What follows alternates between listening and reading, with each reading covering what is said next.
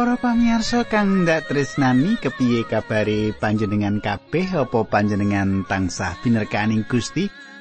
Ing wanci iki panjenengan tak derekake hangge kilut pangandikani Gusti, sinau pangandikani Gusti supaya kasukman kita dadi kuat, kita kalipur menawa kita duwe kemantepan tambah mantep. Mengkono temtune mantep ana ing asmane Gusti Yesus kang dadi juru wilujeng.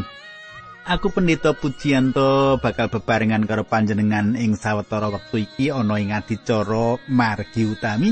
Adicara kang wis dadi klangenan panjenengan.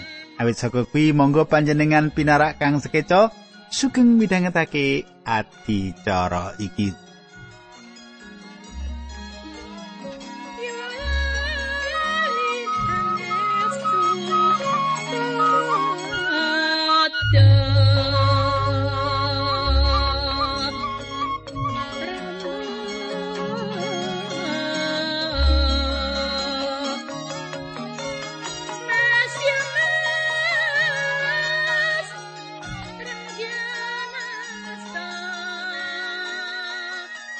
Kadangku sepisan maneh. Panjenengan temtune kelingan kemutan. Apa sing tak aturake duk nalika kita ketemu ing dina kepungkur? Kepungkur wis ndak aturake yen kanthi alasan ora ngerti hukum. Ora bisa gondelan supaya ora kapatrapan ing hukume dosa. Yen to wis tumindak dosa ora bisa kanggo gundilan supaya ora kapatrapane hukume dosa yen to wis tumindak dosa Senajan kurang ing pangerten babagan hukum yen nglanggar aturane hukum mesti bakal kena pidana utawa kepatrapan paukuman. Nah, terus kepiye banjure adicara kita? Sadurunge kuwi aku arep ngaturake salam diwisik manyang Ibu Hana Sudarminto. Ibu Hana Sudarminto. Nalika kula kathah momotan lan kathah kerewetan wonten ing gesang menika Pak Puji siraman ingkang dipun lantaraken saestun dadosaken kula rumaos mboten piyambakan wonten ing gesang menika awit wonten pribadi ingkang yektos ingkang mboten nate nguciwani manah kula. Ibu Hana Sutarminto matur nuwun serat panjenengan renyuhaken kula. Nggih syukur mangayu bagi menawi menapa ingkang kula andharaken menika dados kegiatan panjenengan Ibu. Lan monggo katang kula sedaya kita ndedonga. Duh Kanjeng Rama ing swarga kawula ngaturaken gunging panuwun menawi wekdal menika kawula saged tetunggilan kalian sedherek-sedherek kawula ingkang setya tuhu midhangetaken adicara menika. Kawula nyuwun Gusti berkahi adicara menika sedherek-sedherek kawula ingkang pikantuk panglipuran kegiatan saking pangandikan paduka. supados paduka jangkung gesangipun Gusti supados sinaosa kathah momotan gesang nanging boten ngantos gesangipun gloyoran lan tetep jejeg wonten ing asma paduka. Dinambaran asmanipun Gusti kawula Yesus Kristus kawula ndedonga haleluya amin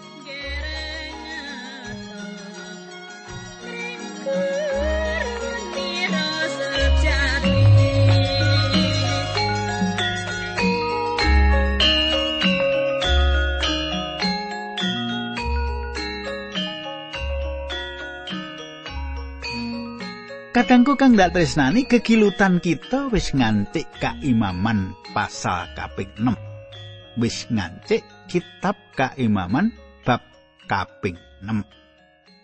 Monggo bebarengan karo aku maos ayat-ayat sing dipratelake ana ing bab 6 iki. Yoki kawiwitan ing ayat siji Mangkene surasane Gusti Allah ngendika maneh marang Musa mengkini. Terus diterusake ayat loro lan telu. Wong dadi nglakoni dosa ing ngarsane Allah yen ora gelem mbalekake barang titipan duwe pepadane wong Israel utawa menawa wong mau nyolong barang duwe pepadane utawa ngapusi pepadane utawa kelawan sumpah ora ngaku yen nemu barang duwe pepadane sing ilang wong mau kudu nyaosake kurban dendok ayat papat tan limo lan kudu mbalekake barang oleh-olehane laku sing ora jujur mau wong mau sanalika kudu mbayar sepiro regane barange marang sing duwe nganggo dipunjuli rong puluh persen. Kejaba kuwi wong mau kudu masrahake marang imam wedhus gembel utawa wedhus dawa lanang siji sing mulus tanpa cacat kanggo saus kurban denda kunjuk marang Allah. Regane kudu ditetepake miturut rega sing kanggo ing kemah suci. Ayat pitu nganti songo. Imam kudu nyaosake kurban dendo lan Allah bakal ngapura dosane wong mau. Kadangku ing ayat iki ngandhakake yen dosa marang sak pepadane ateges dosa uga marang Allah. Nah, Gusti Yesus ngendika ana ing Injil Matius pitu ayat 13 mengkini. Apa sing kok karepake supaya ditindakake dening wong liya marang kowe? Kuwi tindakno marang wong mau. Ya kuwi sarine angger-anggere Torat sing diwulangake dening Nabi Musa lan nabi-nabi liyane. Saiki tak teruske kaimaman bab 6 ayat 8 lan 9. Gusti Allah ngendika meneh marang Musa. Harun lan anak-anake weneh pernatan bab kurban obongan mengkene Korban obongan kuwi kudu terus diobong ing geni sing ana ing mespeh sawengi muput. Genining mespeh ora kena mati. Sumitraku, ing mangsa lan wektu kaya jaman saiki iki, becike kita padha sumarah. Nyaosake urip lan ati kita marang Allah. Yen to kita padha wis dadi kagungane, Gusti Allah ora ngeparengake kita mung padha ngaku-ngaku dadi wong Kristen nanging ora nindakake apa sing jarene wis padha diyakini.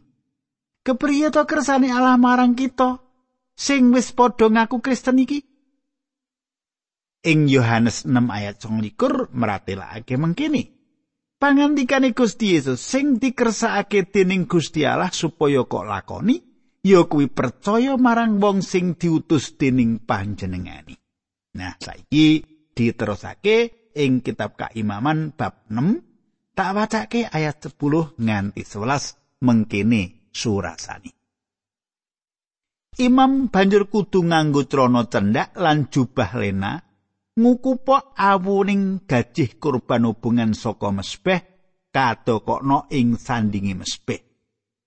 Sawise kuwi imam kudu salin penganggo lan nggawa awu mau menyang sakjabane kemah ing papan sing suci. Kadangku nalika imam mindahake awu saka mespeh padha buka jubai lan salin nganggo sandangan liyani. Iki nggambarake nulare dosa sing gegirisi.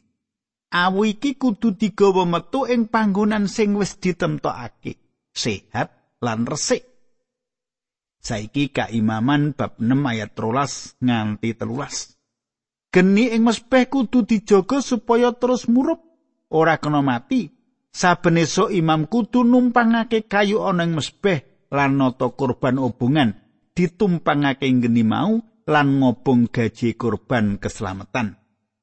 Genine kudu dijaga supaya tetep murup aja nganti mati. Sumitraku, geni terus murup lan besmi ngobong korban nganti entek.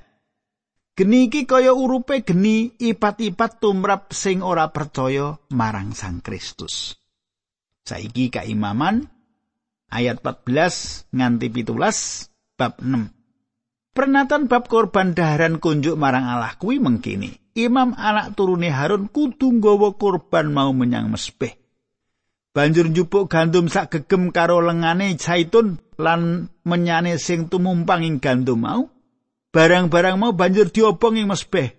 Merlambangi yen sausan kabeh wis dikasausake marang Allah. Gandani kurban mau gawe renaning penggali Allah. Glepung turahane kudu digawe roti tanpa ragi lan kudu dipangan dening para imam ing panggonan suci ing pelatarane kemah palenggahane Allah kuwi bagiane para imam sing diparingake dening Allah saka kurban daharan pangan mau suci banget padha kaya kurban pangruwating dosa lan kurban dendo Katanggu panggonan sing suci sing kanggo mangan roti iku ing sak njabane kemah suci. Senajan to ngono, panggonan iki diarani suci sebab Allah rawuh ing kono. Ing endi-endi panggonan sing dirawi Allah, ing endi Allah kersa makuwon, panggonan iku panggonan sing suci. Saiki diteruske ayat 18 nganti ayat sing kaping telung puluh. Mengkene surasane pangandikan. Saben wong lanang anak turune Harun kena mangan roti mau, sebanjuri dadi pernatan langgeng. Wong liya sing ngepok daharan sing wis dinggo korban bakal ketaman bilai merga saka daya kasucene korban mau. Gusti Allah maringake pernatan-pernatan bab netepake imam anak turune Harun mengkini. Ing dina tetepan mau imam sing arep ditetepake kudu nyaosake glepung gandum sak kilogram marang Allah. Padha akeh karo kurban daharan pedinan sing separo kudu disaosake kanggo kurban ing wayah esuk, turahane kanggo sarini. Glepung mau kudu diulet karo lenga saitun banjur dipanggang. Nuli diejur lan disaosake dadi kurban daharan. Gandane kurban mau gawe renaning penggawe Allah. Mengkono dadi pernatan langgeng saben turune Harun sing dadi imam agung kudu nyaosake kurban kaya mengkono kabeh kudu diobong katur marang Allah. Ayat 21 kurban daharan sing disaosake dening imam kabeh kudu diobong nganti entek ora ana setitik-titik sing oleh dipangan. Kadangku, para imam iki ora mung mangan, nanging uga ngaturake pisungsung pro sepuluhan kanggo kurban daharat. Semono uga para pendeta ing gereja-gereja kudu menehi conto ngaturake pisungsung marang pasamuani. Malah kita anggota pesamuan kudu padha atur pisungsung. Saiki kaimaman 6 ayat 24 Gusti Allah dawuh marang Musa ayat 20 supaya menehake pernatan marang Harun lan anak-anake bab kurban pangruwating dosa. Kewan sing dinggo saus kurban pangruwating dosa kudu disembelih ing sisih lore mesbeh sing kanggo ngobong kurban obongan. Kurban mau suci banget. Ayat 26 nganti 30. Imam sing nyaosake kurban kudu mangan bagiane ana ing papan suci ya kuwi ing pelatarane kemah palenggahane Allah. Sopo wae lan apa wae sing gepok daginge kewan mau bakal ketaman bilai merga saka daya kasucene kurban mau. Menawa ana klambi sing kecipratan getih kewan mau kudu dikumbah ing papan sing suci. Kuali sing dinggo nggodhog daging kurban mau kudu diremuk. Yen kuali sing dinggo wadah mau saka tembaga kudu digosok banjur diresiki nganggo banyu saben wong lanang anak turune imam kena mangan kurban sing suci banget kuwi kewan sing gedhe digawa mlebu ing kemah suci lan kanggo kurban pangruwating dosa kudu diobong nganti entek ora kena dipangan. Sumitraku, kurban kanggo nglunasi dosa nggambarake pakaryane Gusti Yesus Kristus ing kayu salib. Dosa mung bisa ditebus kanthi kurban. Ya kurban obongan iki kang nggambarake pangorbanane Sang Kristus. Sumitraku kita ngancik pasal pitu buku kaimaman. ayat siji loro teko limo Pernatan bab korban dendo sing suci banget kuwi mangkene. Kewan sing dinggo korban kudu disembelih ing saklore mesbeh sing kanggo nyembelih korban obongan. Getihe banjur kudu disiramake ing sikiling mesbeh mubeng. Gaji kabeh kudu disisihake dene sing kudu disaosake ing mesbeh ya kuwi buntut sagaji gajih sing tumempel ing jeroan. Ginjil sak gajih lan perangane ati sing apik dhewe. Imam kudu ngobong gajih mau kabeh ing mesbeh dadi kurban daharan kunjuk marang Allah. Mengkono mau sing diarani kurban dendo. Katengku panjenengan ora bakal bisa ngaosi Gusti Yesus sadurunge panjenengan sadar mirsani pribadi panjenengan dhewe kaya dene wong dosa. Saiki ayat 11 nganti 12. Bab korban keselamatan sing disaosake marang Allah kuwi pernatane mengkini. Yen maksude korban mau kanggo saus panuwun marang Allah, korban mau kudu dikanteni sausan roti tanpa ragi. Rotine kena kandel diolah nganggo lenga zaitun. Kena roti tipis angger dileleti lenga utawa panganan sing digawe saka glepung sing diadoni nganggo lenga zaitun. Kadangku korban kudu dicaosake kanthi lilane ati. Iki uga ateges yen kita wis sumadyo lunga ngabekti menyang gereja. Kita kudu wis nyiapake batin lan ati kita dadi korban kagem Allah. Wong Kristen sing tansah angloh lan ngritik ora sembodo sowan ing ngarsane Allah. Saiki ayat 13 nganti 14 kaimaman bab pitu. Sausan mau kudu ditambahi roti sing diolah nganggo ragi. Salong kudu disisihake dadi sasausan mligi kagem Allah. Kuwi dadi bagiane imam sing jupuk getih kewan lan nyiramake getih mau ing sikile mesbeh mubeng. Kadangku coba panjenengan persani kanthi ngati-ati. Ing ayat rolas, roti sing tipis lan bunder kudu roti sing tanpa ragi. Ing ayat rolas rotine kudu nganggo ragi. Aneh yo, kenapa kaya ngono? Mongko ragi iku ngimbangake kadurakan. Ayat rolas nggambarake Gusti Yesus Kristus dadi korban kawilujengan kita lan panjenengane ora kagungan dosa tanpa ana ragine. Dene ayat telulas, sing padha misungsungake sing kudu nyaosake kurban syukur jalaran wis kaparingan katentreman dening Allah, senadyano isih ana dosa ing uripe. Ing siji Yohanes siji ayat 8 mangkene surasane, yen kita muni ora duwe dosa, kita padha ngapusi awak kita dhewe lan nyatane ora mengkono. Ateges Gusti Allah ora dedalem ing ati kita. Kadangku sakabe wong pracaya kudu ngakoni dosani. Supaya apa? Supaya kaparingan pangapura. Nuli nindakake kanthi tumemen urip sing anyar. Urip kanthi wewatekan anyar saka pitulungane Roh Suci. Saiki kaimaman bab pitu ayat 15 kanthi tekan ayat 18. Daginge kewan sing dikorbanake kudu dipangan ing dina kuwi uga setitik wae ora kena ana sing dingengeh tekan esuke. Yen ana wong sing nyaosake korban keselamatan kanggo ngluwari kaule utawa merga kepengin syukur, korban mau ora kudu dientekake ing dina kuwi, turahane kena dipangan esuke. Yen esuke meneh meksa ora entek, daging sing turah kudu diobong nganti entek.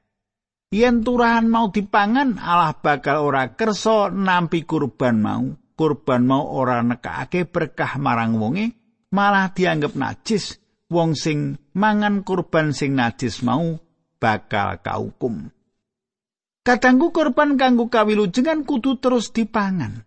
Ora kena di endi-endi utawa diulur-ulur wektune.